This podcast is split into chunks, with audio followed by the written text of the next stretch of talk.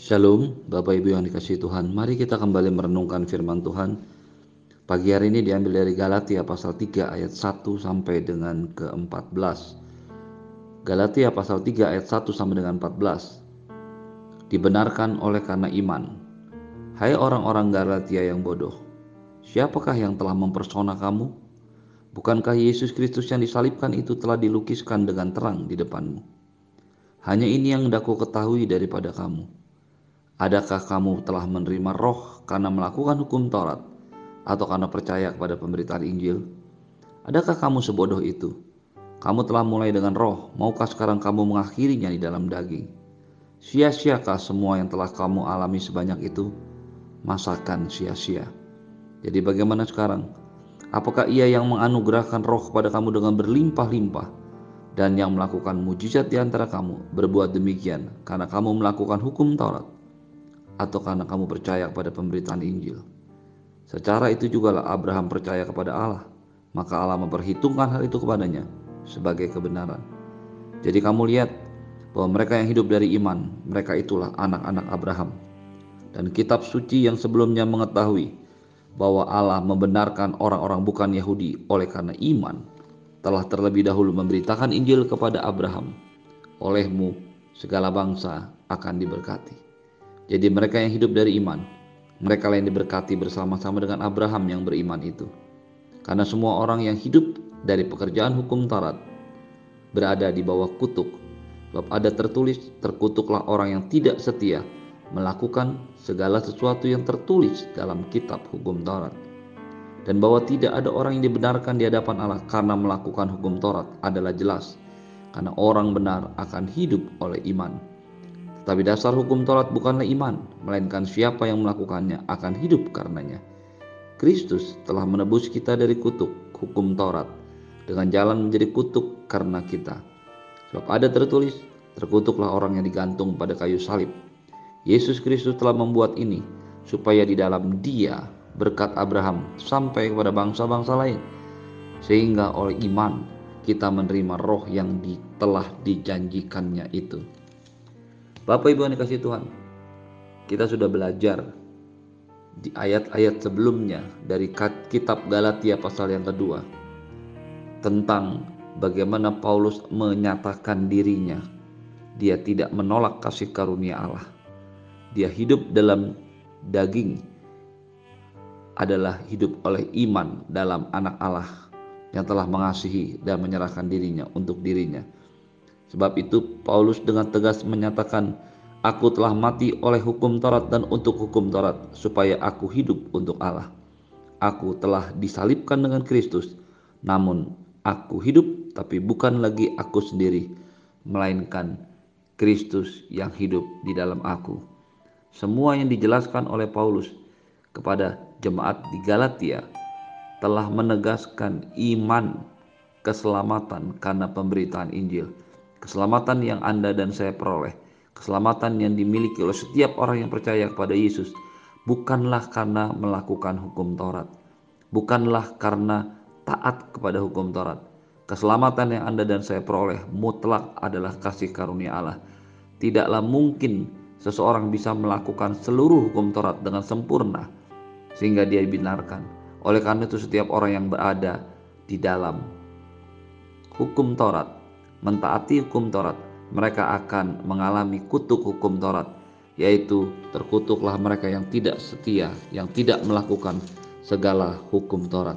Itu sebabnya menjadi sebuah keheranan bagi Paulus ketika mendengar, ketika melihat ada orang-orang Galatia yang kembali hidup menggenapi atau melakukan hukum Taurat untuk memperoleh keselamatan yang sudah didapatkannya.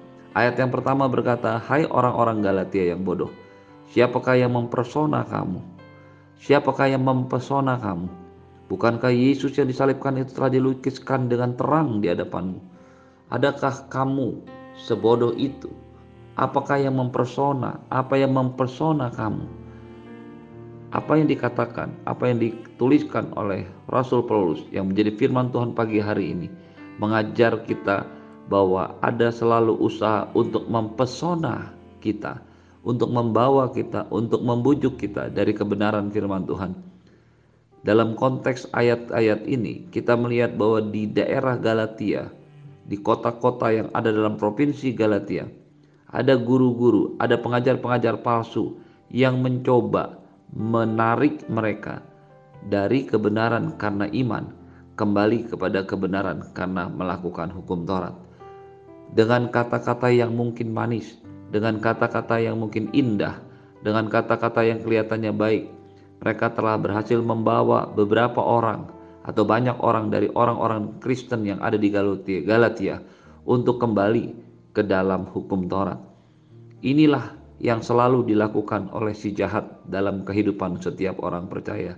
Setiap orang percaya harus berhati-hati, tidak terpesona dengan kata-kata yang baik, pengajaran-pengajaran yang kelihatannya indah, tapi sebenarnya tidak sesuai dengan kebenaran Injil. Dalam konteks jemaat yang ada di Galatia, mereka dibawa kembali ke dalam hukum Taurat. Seolah-olah mereka mau mengatakan, "Ya, percaya kepada Yesus juga tetap harus melakukan hukum Taurat." Hal ini pasti dilakukan dengan kata-kata yang indah. Hal ini pasti dilakukan dengan kata-kata yang manis, sehingga setiap orang yang ada di Galatia menjadi terpesona dan akhirnya berbalik. Dengan tegas firman Tuhan menyampaikan, hanya ini yang daku kata ketahui dari kamu. Apakah kamu telah menerima roh karena melakukan hukum Taurat atau karena percaya kepada pemberitaan Injil? Paulus mengingatkan dasar keselamatan, dasar anugerah Allah yang menyebabkan roh Allah dicurahkan kembali kepada manusia. Untuk selalu diingat, kematian Tuhan Yesus di atas kayu salib bukan hanya sekedar mengampuni dan menebus dosa kita, tapi kematian Tuhan Yesus kayu salib juga membawa roh Allah kembali tinggal dalam diri manusia. Dan itu semua tidak mungkin atau tidak bisa dilakukan karena mentaati hukum Taurat. Sejak hukum Taurat diberikan, Allah, roh Allah tidak pernah tinggal lagi dalam diri manusia. Dia bisa menetap, dia bisa hinggap, dia bisa sementara bersama-sama dengan manusia.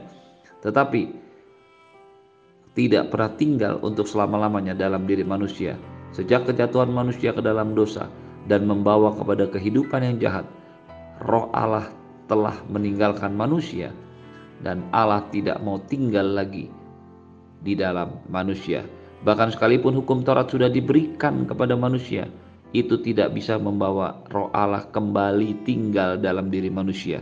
Inilah yang dikatakan oleh Paulus ketika dia berkata, Apakah kamu telah menerima roh karena melakukan hukum Taurat atau karena percaya kepada pemberitaan Injil? Adakah kamu sebodoh itu?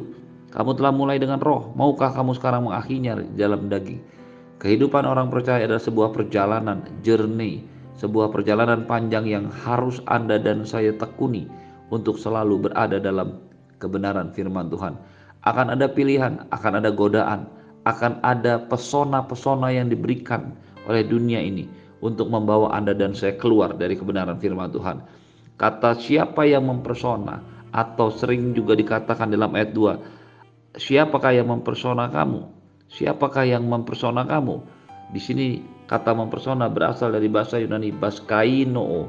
Baskaino itu diterjemahkan sebagai mempersona.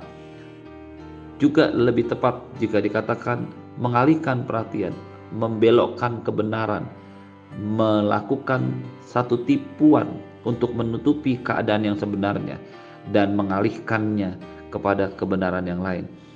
Setiap kehidupan Anda dan saya selalu diperhadapkan dengan kemungkinan-kemungkinan di mana ada tipuan-tipuan kebenaran yang kelihatannya benar, yang kelihatannya enak, yang kelihatannya menyenangkan, yang kelihatannya memberikan damai semu, tetapi pada akhirnya tidak membawa kita kepada kebenaran Injil Kebenaran Injil yang sejati adalah kebenaran yang memang menyakinkan bahwa Anda dan saya selamat oleh karena kasih karunia Allah, bukan karena perbuatan baik. Tidak ada satupun perbuatan yang baik-baik yang bisa membawa kita kepada Allah. Tetapi kebenaran ini juga membawa kembalinya roh Allah tinggal dalam diri manusia. Itu artinya semua yang Anda dan saya dapatkan dengan iman itu akan mampu mengembalikan roh Allah tinggal dalam diri manusia. Dan ketika roh Allah itu tinggal dalam diri manusia, maka Anda dan saya akan mengikuti tuntunan roh Allah itu untuk hidup. Bukan satu pekerjaan yang mudah, tapi juga bukan satu pekerjaan yang sulit. Mengapa tidak mudah? Karena diperlukan keputusan dari Anda dan saya untuk menyerahkan hidup kita dan membiarkan Roh Kudus memimpin hidup kita. Tidak sulit karena Roh Allah ada dalam diri kita, memampukan kita untuk hidup sesuai dengan kehendak Allah. Ketika, setiap orang percaya mengerti hal ini, maka mereka akan terus berada dalam roh. Mereka akan terus memulai hidup ini dengan roh dan mengakhirinya di dalam roh. Tetapi ketika kita terpesona dengan pengajaran-pengajaran palsu, kita terpesona dengan pengajaran-pengajaran yang menyenangkan daging kita, kita terpesona dengan pengajaran-pengajaran yang kelihatannya memenuhi keinginan kita, maka kita bisa akan mengakhiri hidup kita di dalam daging. Sia-siakah semua yang telah kamu alami? Sebanyak itu masakan sia-sia. Jadi bagaimana sekarang? Apakah ia yang menganugerahkan roh kepada kamu dengan berlimpah-limpah dan melakukan mujizat di antara kamu? Berbuat demikian karena kamu melakukan hukum Taurat atau karena kamu percaya kepada pemberitaan Injil? Dengan ini Paulus ingin mengingatkan kita, firman Tuhan ingin mengingatkan kembali bahwa bahkan ketika Tuhan menganugerahkan Roh Kudus kepada kita dengan berlimpah-limpah dan melakukan banyak mujizat yang terjadi di tengah-tengah kita, semuanya bukan karena kita melakukan hukum Taurat, tetapi hanya karena iman. Kembalinya kita kepada iman akan membawa kita terus hidup di dalam iman. Mulai hidup ini, mulai keselamatan kita dengan iman karena percaya kepada Yesus dan kita akan hidup senantiasa dalam iman sehingga tidak ada satupun yang bisa kita lakukan dalam hidup ini untuk membuat apa yang Tuhan anugerahkan kepada kita itu menjadi milik kita. Semua pengalaman-pengalaman rohani, semua pengalaman-pengalaman spiritual bersama-sama dengan Tuhan itu akan membawa kita bahkan karunia-karunia Roh Kudus diberikan kepada Anda dan saya bukan karena kita mentaati hukum Taurat, karena bertahun-tahun lamanya orang-orang Yahudi melakukan hukum Taurat tetapi mereka tidak mengalami karunia Roh Kudus, anugerah Roh Kudus yang begitu besar, yang berlimpah-limpah yang diberikan kepada mereka. Justru ketika mereka percaya, ketika Petrus, Yohanes dan rasul-rasul percaya kepada Tuhan Yesus, percaya akan Roh Kudus yang memimpin dan membaptis mereka dengan kuasa, maka mereka melihat perkara-perkara yang ajaib terjadi dalam hidup mereka apa yang dilakukan oleh Paulus, apa yang dilakukan oleh Petrus, apa yang dilakukan oleh Stefanus, Yohanes, Yakobus, Barnabas dan semuanya itu menunjukkan bahwa mereka lakukan semua ini bukan karena mereka taat, bukan karena mereka melakukan hukum Taurat, tapi karena mereka punya iman kepada Tuhan. Pagi hari ini biarlah hidup Anda dan saya hidup oleh karena iman. Biarlah kita semua menyadari bahwa hanya dengan imanlah kita menerima anugerah kelimpahan Roh Kudus yang berlimpah-limpah dan hanya oleh karena anugerahlah kita mengalami mujizat-mujizat Allah. Dengan iman kita melakukan mujizat-mujizatnya bukan karena kita mentaati hukum Taurat, tapi karena iman kita kepada Yesus. Ketika Anda dan saya hidup dalam kebenaran ini, kita tidak akan pernah terpesona dengan satu ajaran apa pun karena kita tahu persis bahwa apa yang Anda dan saya kerjakan di dalam iman percaya kepada Yesus dalam iman, diselamatkan di dalam iman, diubahkan dalam iman, dipulihkan dalam iman, mengalami semua janji Allah dalam iman, mengalami pelimpahan roh Allah yang berlimpah-limpah, anugerah dengan iman, dan melakukan mujizat, menerima mujizat dengan iman. Ketika Anda dan saya melakukan semua ini, pastikan bahwa kita lakukan semua itu di dalam iman kepada Tuhan Yesus. Mari terus melangkah, mari terus mengikut Tuhan, Mari terus melayani Tuhan dengan iman bahwa Allah yang sudah menyediakan itu semua dan Allah yang hidup di dalam kita, Allah yang memimpin kita, Allah yang mengurapi kita, Allah yang bekerja bersama-sama dengan kita. Terimalah berkat yang berlimpah dari Bapa di surga, cinta kasih dari Tuhan Yesus, penyertaan yang sempurna dari Roh Kudus, menyertai hidupmu hari ini dan sampai selama-lamanya di dalam nama Tuhan Yesus. Semua yang percaya katakan, amin. Shalom, selamat pagi, selamat beraktivitas, Selamat hidup dalam iman kepada Yesus dan engkau akan mengalami anugerah kelimpahan Roh Kudus, kuasa Roh Kudus, karunia Roh Kudus dan mujizat-mujizatnya di dalam hidupmu. Amin.